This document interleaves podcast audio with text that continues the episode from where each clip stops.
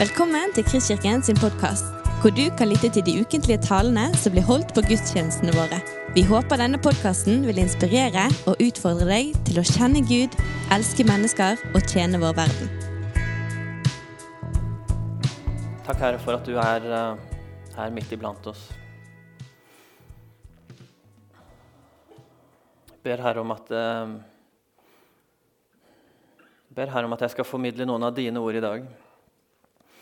At det ikke skal være mine tanker, min visdom, men at det skal være noe fra deg, Herre.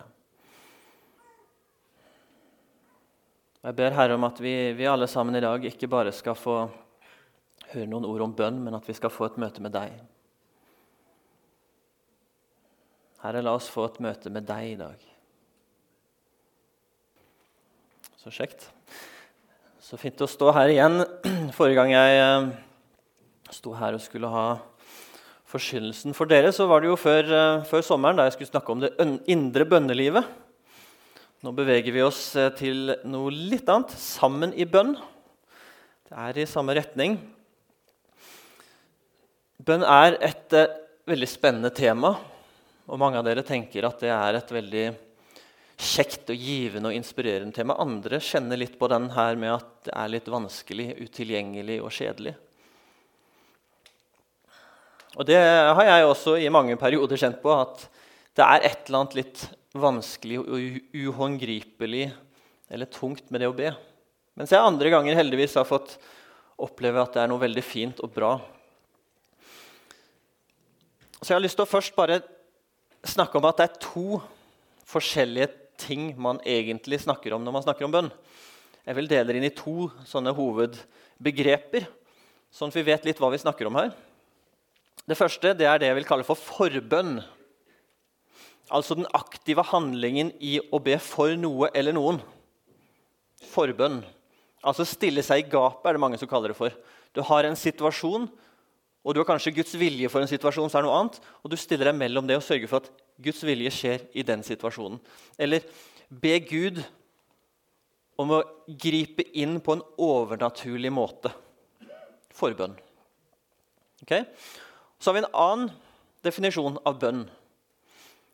Og Det er Ole Hallesby sin definisjon, egentlig, som jeg liker fra boken fra Bønnens verden. Bønn er en bestemt hjertestilling til Gud som han i sin himmel straks gjenkjenner som bønn, som et rop til hans hjerte. Altså, Bønn er når vårt hjerte er vendt mot Gud. Da har du ganske bred definisjon av bønn. Men det er noe annet enn forbønn. Da har vi to forskjellige ord. Og Den store definisjonen av bønn den gjør det enklere å forstå disse ordene som Paulus snakker om. Be uavbrutt, eller be alltid. For Hvis bønn er at vårt hjerte er vendt til Gud, så kan det gi litt enklere tilgjengelig dette med å be alltid. Et annet sted Nå skal vi, nå skal vi ta litt, eh, en liten si, omvei eh, via et eller annet, så nå, nå, skal vi innom en del bibelvers. Vi kommer tilbake til bønn, men vi skal en liten omvei her. Paulus snakker om bønn i 1. Korinterne 12. Så den rekken her med 1. Korinterne 12, 13 og 14 vi skal litt innom der. Når det gjelder åndens gaver, søsken, vil jeg ikke at dere skal være uvitende. Det begynner disse tre kapitlene om. Og Her snakker Paulus om tre ting. beskriver han. Det er forskjellige nådegaver, forskjellige tjenester og forskjellige kraftige virkninger innenfor disse her åndens gaver som han snakker om. Og Han sier også at eh, hver enkelt, hos hver enkelt gir ånden seg til kjenne slik det tjener til det gode. Og Så begynner vi disse listene som kommer i disse kapitlene. For ved en og samme ånd blir det gitt. Og da, nå, veldig, nå, forkorter jeg disse versene her, sånn at vi slipper å lese hele. Visdomsord, kunnskapsord, spesielt trosgave, nådegaver til helbrede, kraft til å gjøre under, tale profetisk, bedømme ånder, ulike slags tungetale, tyde tungetale. Ok, det, det, kjenner vi igjen som åndelige gaver. Ok, Fint. Men han fortsetter. Vers 28 med gaver og tjenester.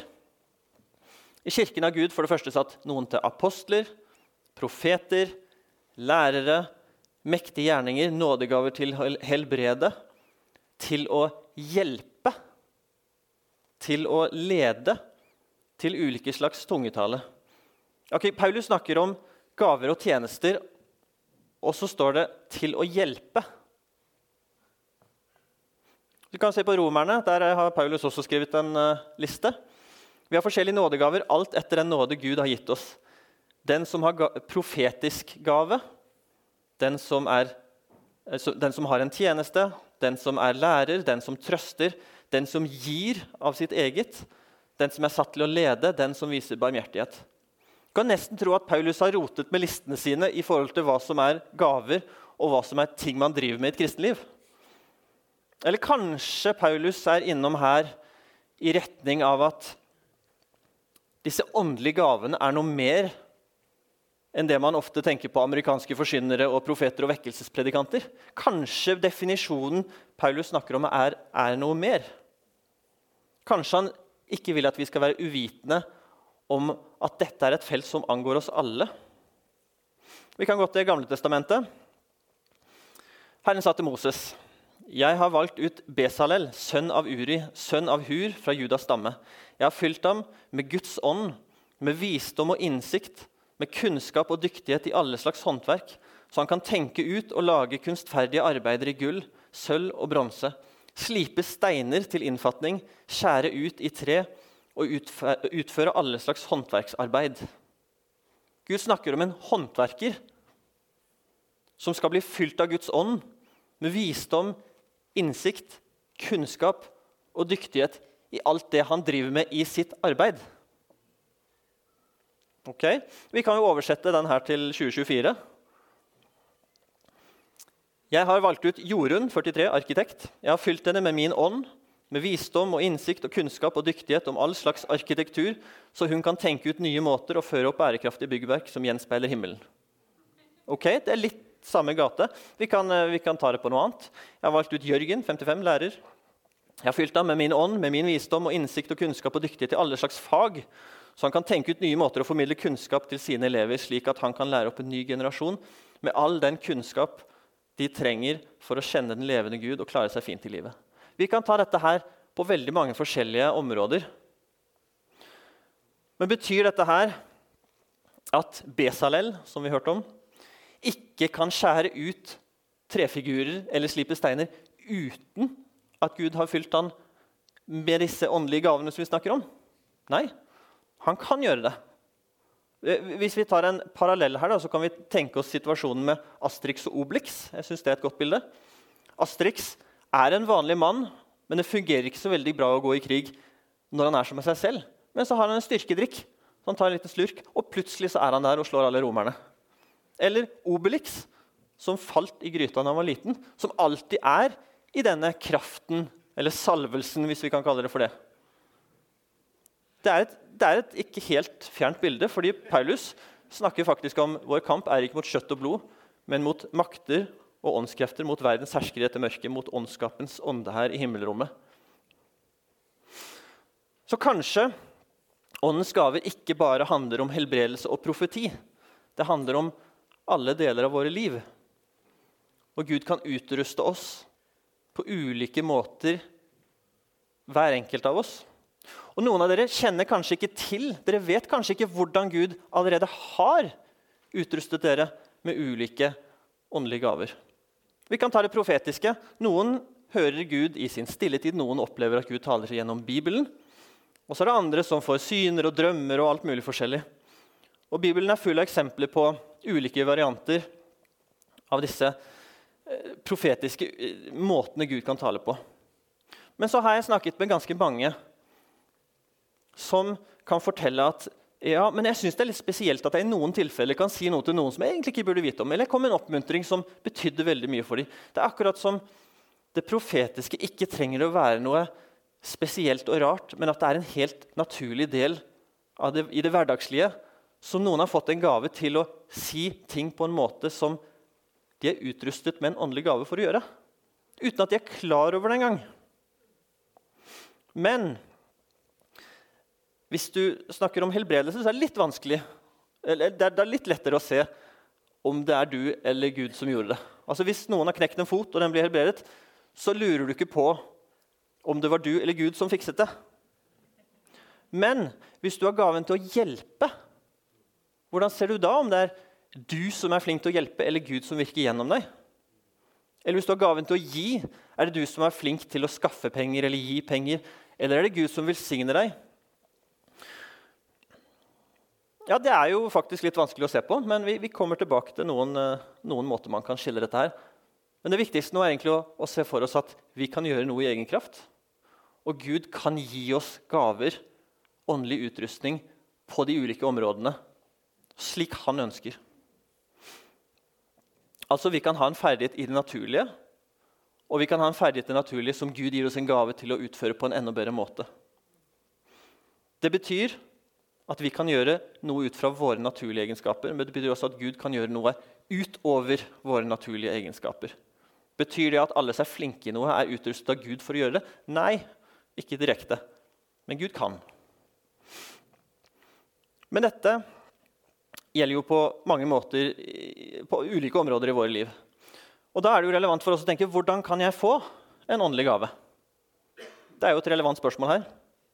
Paulus sier jo til og med men vær ivrige etter å få de største nådegavene. Så Hvis Paulus sier at vi skal være ivrige i å få nådegaver, så må det jo være en eller annen måte at vi skal kunne påvirke dette. At det ikke er en sånn forutbestemt i lang tid tilbake at liksom, enten har du eller så har du ikke. Dette er noe man kan påvirke.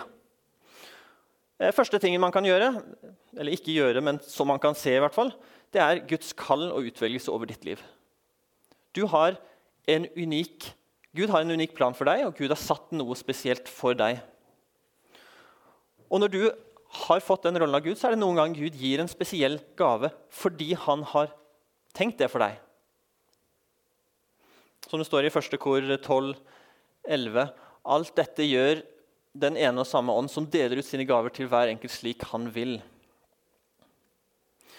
Og så Legg merke til det Paulus sier til Timoteus. Derfor vil jeg minne om dette. La Guds nådegave i deg flamme opp på nytt, den du fikk da jeg la hendene på deg. Altså, Man kan også på en eller annen måte påvirke i hvilken grad denne gaven er aktiv i ens eget liv. Ok, Det er noen, noen ting her. Men legg merke til den siste delen her. Som du fikk da jeg la hendene på deg. Det er andre punktet. Det er noe i Guds rike som handler om overføring av gaver. Det er på ingen måte noe automatikk.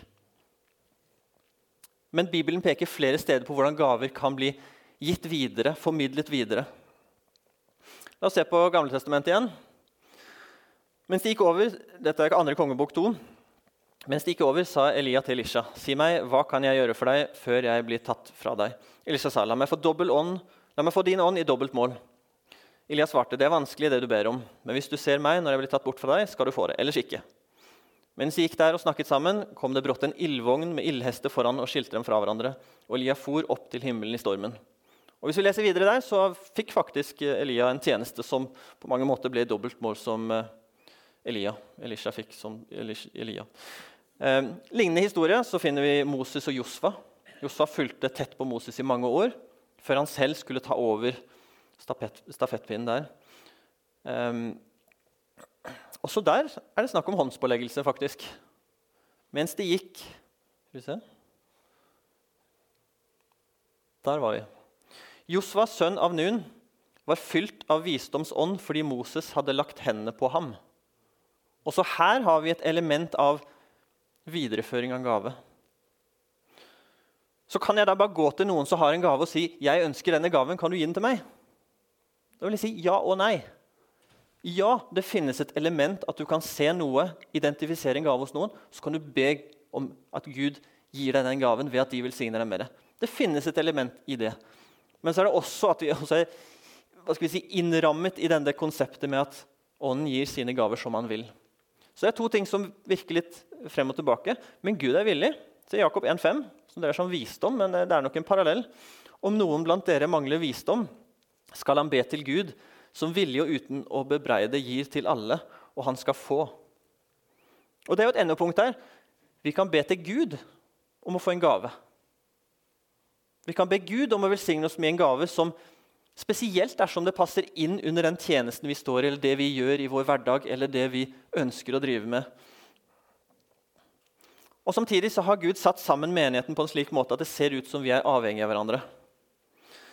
Elia og Elisha hadde en veldig lang vandring. Vi vet ikke hvor lenge det var, men de vandret lenge før Elisha kunne gå til han og be om å få en dobbel del av salvelsen. Det var ikke slik at han bare gikk bort til en tilfeldig person og spurte kan jeg få. Det var en lang vandring sammen. Og Det ser vi også med når Paulus formidlet gave til Timoteus. Eh, vi vet heller ikke hvilken gave det er snakk om, men de vandret sammen i lang tid. Og Her er noe av nøkkelen til disse åndelige gavene. Det er ikke et soloprosjekt. Det er noe vi står sammen om. Og det er en vandring sammen som gjør at man får en form for overføring av disse gavene. Og Vi kan jo se videre i første kor 12. Slik kroppen er én, om den har mange lemmer, og alle lemmene utgjør én kropp, ennå de har mange, slik er det også med Kristus. Men nå har Gud gitt hvert enkelt lem sin plass på kroppen slik han ville det. Vi er sammen en kropp med ulike gaver, egenskaper og utrustninger. Og Det er både det at det er forskjellige, men det er, også, det er også et element her i at det at vi kommer sammen og anerkjenner hverandre, gjør at man får eh, en økning i disse gavene. Og Legg også merke til at det er ikke bare tradisjonelt det vi tenker på som åndelige gaver. det er snakk om. Altså, hvordan, hvordan opplever man å ha gave til å gi? Eller hvordan opplever man å ha gave til å, eh, til å hjelpe? Er det en følelse? Her må vi også skille dette med sensitivitet i det åndelige. Det er ikke slik at hvis jeg har en gave til eh, Si jeg har en gave innen det profetiske. da. Den gaven gir ikke meg en følelse av at jeg har en gave. Den gjør heller ikke at jeg løfter hendene i lovsang fordi jeg har en gave. Gaven er ikke knyttet til mine følelser. Følelser kan ha en sammenheng. Jeg kan være veldig sensitiv i hvordan jeg opplever Guds nærvær. Ja, Da kan vi snakke om følelser. Ok. Vi kan også ha en gave til å prøve ånder. Ja, Da kan jeg gi meg utslag i mine følelser at jeg føler at noe skjer i atmosfæren. Fordi Gud har gitt meg en gave til å prøve ånder.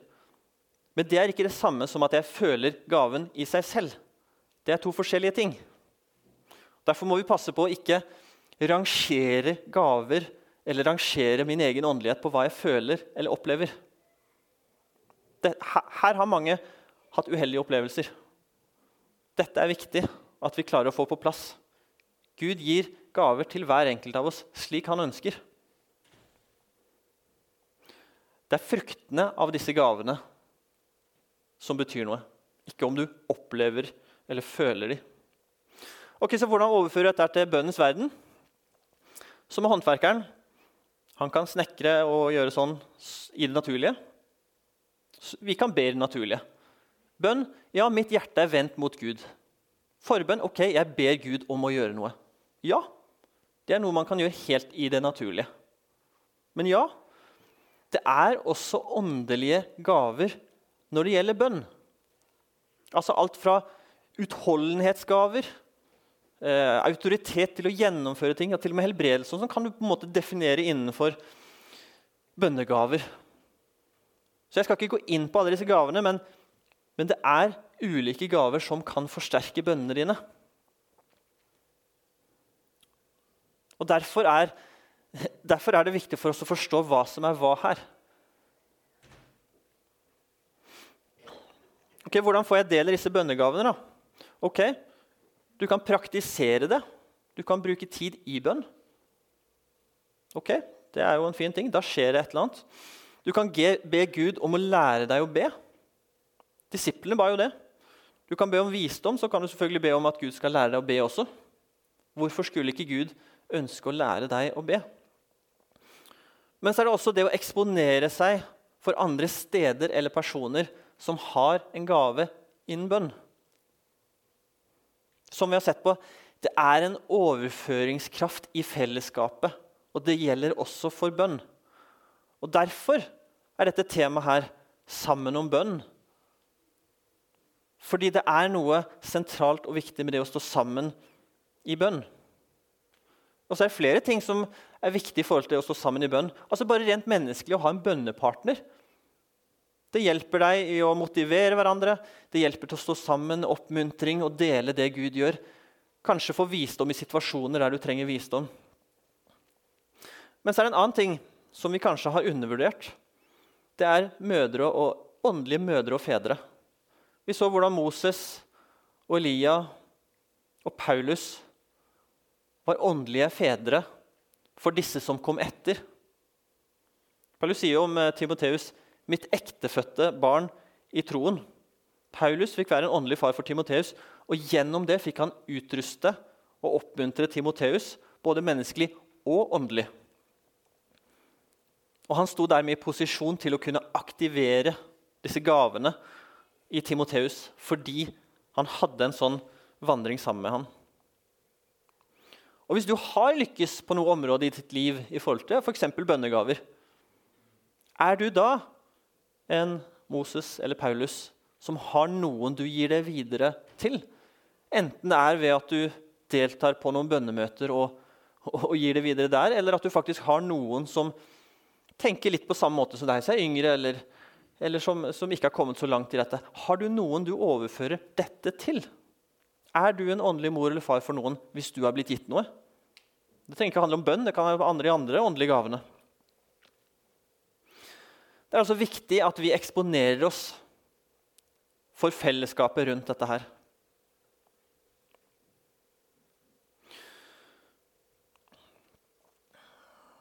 Og så er det også litt eh, med disse forskjellige definisjonene av bønn. Vi, vi, vi, snakker ofte om forbønn når vi snakker om disse gavene. Men det som er enda viktigere, det er egentlig den andre definisjonen. Bønn er når vårt hjerte er vendt mot Gud. Stilletiden, den indre bønnelivet, det jeg snakket om forrige gang jeg snakket her, det er der alt det andre kommer fra. Altså Bare se på Jesus. Men selv trakk han seg tilbake til øde steder og ba. Lukas 5. Markus 1. Tidlig neste morgen, mens det ennå var mørkt, sto Jesus opp, gikk ut og dro til et øde sted og ba der. Vi finner en nøkkel til dette i Johannes 15. Jeg er vintreet, dere er greinene. Den som blir i meg og jeg i ham, bærer mye frukt. For uten meg kan dere ingenting gjøre. Hvis dere blir i meg og mine ord blir i dere, be da om hva dere vil, og dere skal få det. Det er noe med dette å bli i Gud å komme på dypet i det indre bønnelivet, som alle de andre tingene strømmer opp ifra. Dette verset gir også litt forklaring på dette neste verset, som, som mange av dere kjenner. Og dette sier jeg dere, Dersom to av dere her på jorden blir enige om å be om noe, hva det enn er, skal dere få det av min far i himmelen. For hvor to eller tre er samlet i mitt navn, der er jeg midt iblant dere. Altså, Hva det enn er, skal du få det. Jo, men det er jo et element her at du faktisk er inne i den vandringen som Gud ønsker for deg. Da ber du i tråd med Guds vilje, og da får du det du ber om.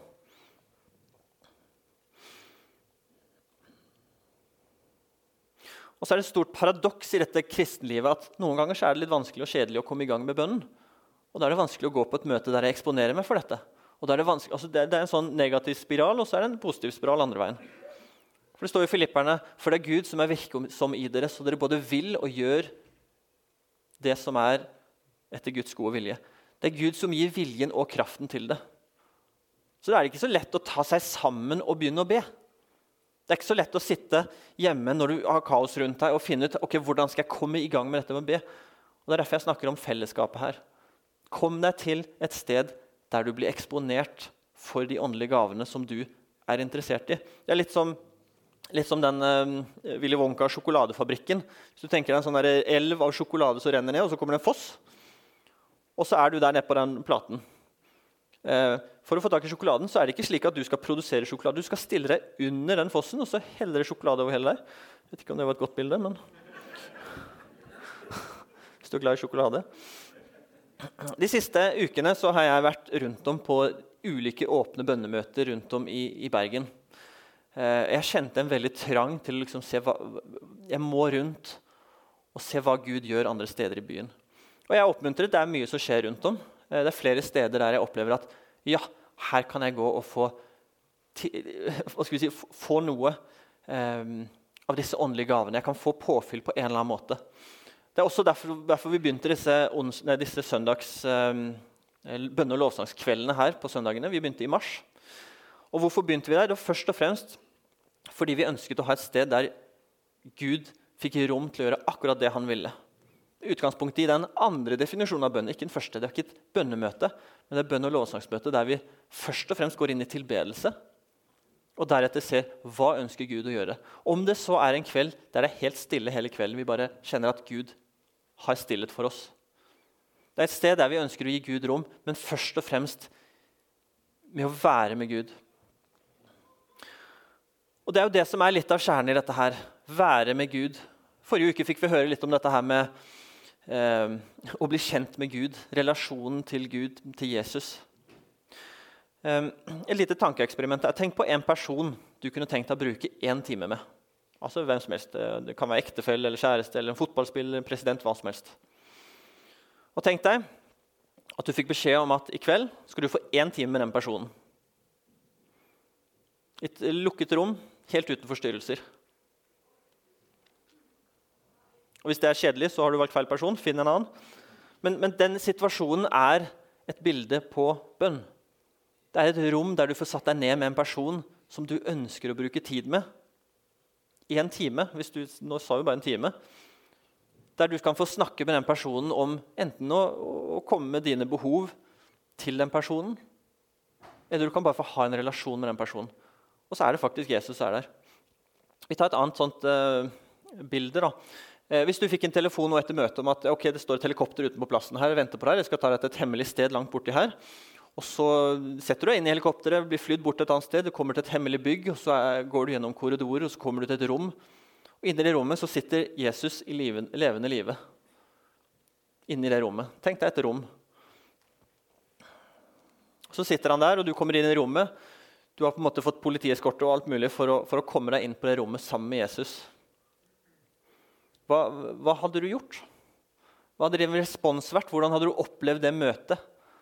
Hadde du satt deg ned ved siden av han? Hadde du gått på andre siden av rommet for litt skeptisk? for liksom, ja, ok, jeg ikke, kjenner deg ikke så godt på den måten her, Jesus? Eller hadde du, hadde du løpt bort til han? Hadde du klaget på han for at han ikke gjorde dette som han, du egentlig ønsket han skulle gjøre i forrige uke? Er det et lyst rom? Er det et mørkt rom? Smiler han til deg, eller sitter han i et hjørne og er sur på deg? Det, det, dette er ikke noe du trenger å gjøre nå, men dette er noe du gjerne må gjøre hjemme. Det er et redskap, hjelpemiddel, men, men det å bare se for seg hvis du hadde møtt Jesus på et sånt rom. Hvordan ser Jesus ut? For det sier litt om ditt forhold til Jesus, hvordan du ser Jesus.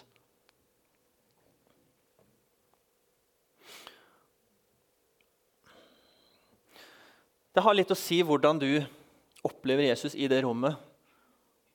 For det kan også ha sammenheng med hvordan du opplever Jesus når du setter deg ned for å be en morgen eller en kveld eller en ettermiddag. Noen av dere opplever det som et veldig fint rom, et rom dere ønsker å gå til med en gang. Mens andre har et eller annet issue der med Jesus som gjør det vanskelig, utilgjengelig. Kanskje du ikke ser ansiktet til Jesus, kanskje det er helt, helt blurry. Men akkurat den situasjonen der vil jeg anbefale deg å se for deg. Gjør det visuelt for deg selv i ditt indre. For det vil hjelpe deg til å, til å komme tettere på Jesus og finne ut hvem er han for deg egentlig. For Kjernen i dette med sammen i bønn Ja, vi snakker om ulike gaver i hverdagen, og sånne ting, men kjernen av det hele det er jo først og fremst det du er skapt til. Hva er du skapt til? Jo, det er å være med Jesus. Jeg snakket om det forrige gang, at det er et rom i ditt indre. En hage i ditt indre. Jesus sier, 'Gå inn i ditt rom'. Det er et rom i ditt indre der du kan være med Jesus. Et sted i ditt indre der kun du og Jesus har tilgang til. Når du lukker øynene og sier 'Ja, Jesus, jeg vil være med deg', så kan du være på det rommet når som helst, hvor som helst. Og det er på det rommet at andre ting begynner å skje. Det er da du kan se at de gavene som den Astrix sin styrkedrikk Det er da den kommer frem. Fordi det er fra dette indre at dette skjer. Det er da vi kan se arkitektur i Bergen som er laget av himmelsk-inspirerte tanker. Eller lærere som går rundt og inspirerer barna til noe utover det som er i det naturlige. Det er i det indre den styrkedrikken kommer, slik at dette kan skje.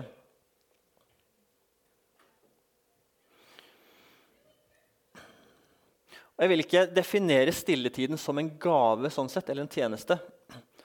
Men jeg har lagt merke til en ting, og det er at denne stilletiden er også litt smittsom. Det vil si, Er det vanskelig å komme inn i stilletiden, oppsøk et sted der andre har stilletid som fungerer. For det finnes et element av smittsomhet i det òg. Vi kjenner ikke det indre bønnelivet til Timoteus og Elisha så veldig godt. Men vi vet litt om Moses og Josva. Så talte Herren med Moses ansikt til ansikt, ansikt, slik som mennesker snakker med hverandre. Siden vendte Moses tilbake til leiren, men tjeneren hans, en ung gutt som het Josva, sønn av Nun, forlot aldri teltet. Josva hadde allerede da lenge før skjønt Paulus sitt konsept om 'be alltid'.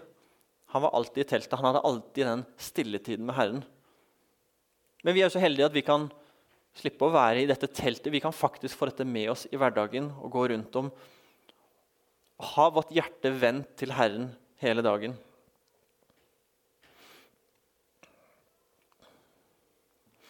Bønn er når vårt hjerte er vendt mot Gud. Vi skal, um, dere skal få anledning til å Nå skal vi ha en, en sang her nå på slutten. Um, dere kan bare komme opp. Så skal um, du få anledning til å, å, å lukke øynene og tenke gjennom tre spørsmål her. Et av disse tre spørsmålene som du kjenner at uh, treffer deg.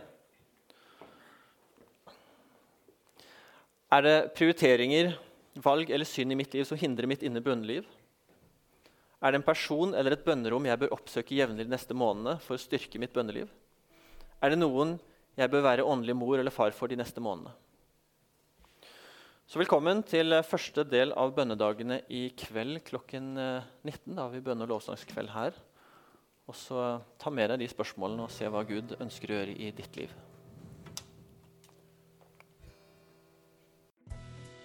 Du har lyttet til en podkast fra Kristkirken i Bergen. Vi håper du har blitt inspirert og utfordret i din vandring med Gud. Vil du vite mer om oss, så klikk deg inn på kristkirken.no.